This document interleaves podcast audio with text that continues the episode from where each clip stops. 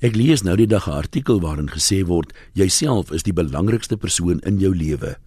Aan die een kant stem 'n mens dadelik saam, ek vind weer dan anders, maar aan die ander kant klink dit dan baie selfsugtig. Baie getroude mense sal dadelik sê my eggenoot of my kinders kom eerste. Dit gebeur egter daagliks dat eggenote buiteegtelike verhoudings aanknoop of 'n egskeiding aanhangig maak. En die ouer huise is vol ma's en pa's wat jare lank se woord van hulle kinders gehoor het. Maar die een ding waarmee jy altyd bly sit, is jouself. In die artikel gebruik hulle 'n voorbeeld. As jy op die nuus hoor van 10000 mense wat in 'n orkaan in Amerika dakloos gelaat is, voel jy vir 'n oomblik jammer vir hulle. Maar jou volgende gedagte is dat jy dankbaar is hier in Suid-Afrika kom storms van daardie omvang selde voor. Maar as jou dogter vandag trou en jy het vanoggend wakker geword met 'n aaklige koorsblaar wat prominent daar op jou lip sit soos 'n giftige spinnekop, is jy meer as net jammer vir jouself.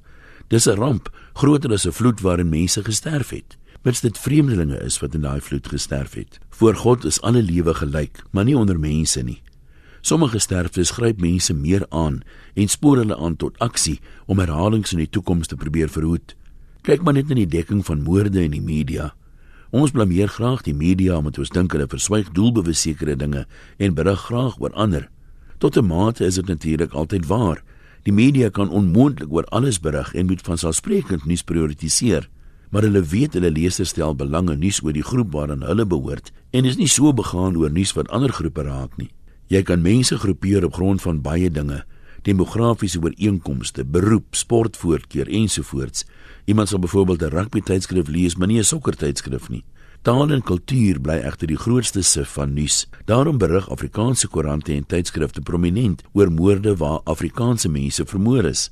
Afrikaanse mense tel selfs die wit slagoffers van plaasmoorde. Maar jy al gehoor hoeveel plaaswerkers is dood of beseer in plaasaanvalle? Ek het nie al praat baie van hulle Afrikaans. Ons volg egter die verhore van mense soos die Modimolle monster, die Griekwa-stad tiener en die van Breda saak noukeurig. Maar ons is nie juis begaan oor iemand wat in 'n township vermoor word nie, behalwe as dit dalk ons bediende is. Dit maak dit dadelik meer relevant. Plaasmoorde behoort vir alle Suid-Afrikaners relevant te wees. Ons almal moet eet en byna al die kos op ons borde het sy oorsprong iewers op 'n plaas. Maak nie saak of dit pap, droë brood, groente of vleis is nie.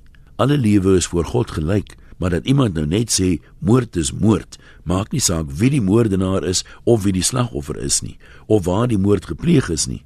Dan sal altyd mense wat daai persoon wil stenig omdat hy nie plaasmoorde wil uitsonder soos wat jy doen nie. Ek dink vandag weer terug aan ouma Hanni.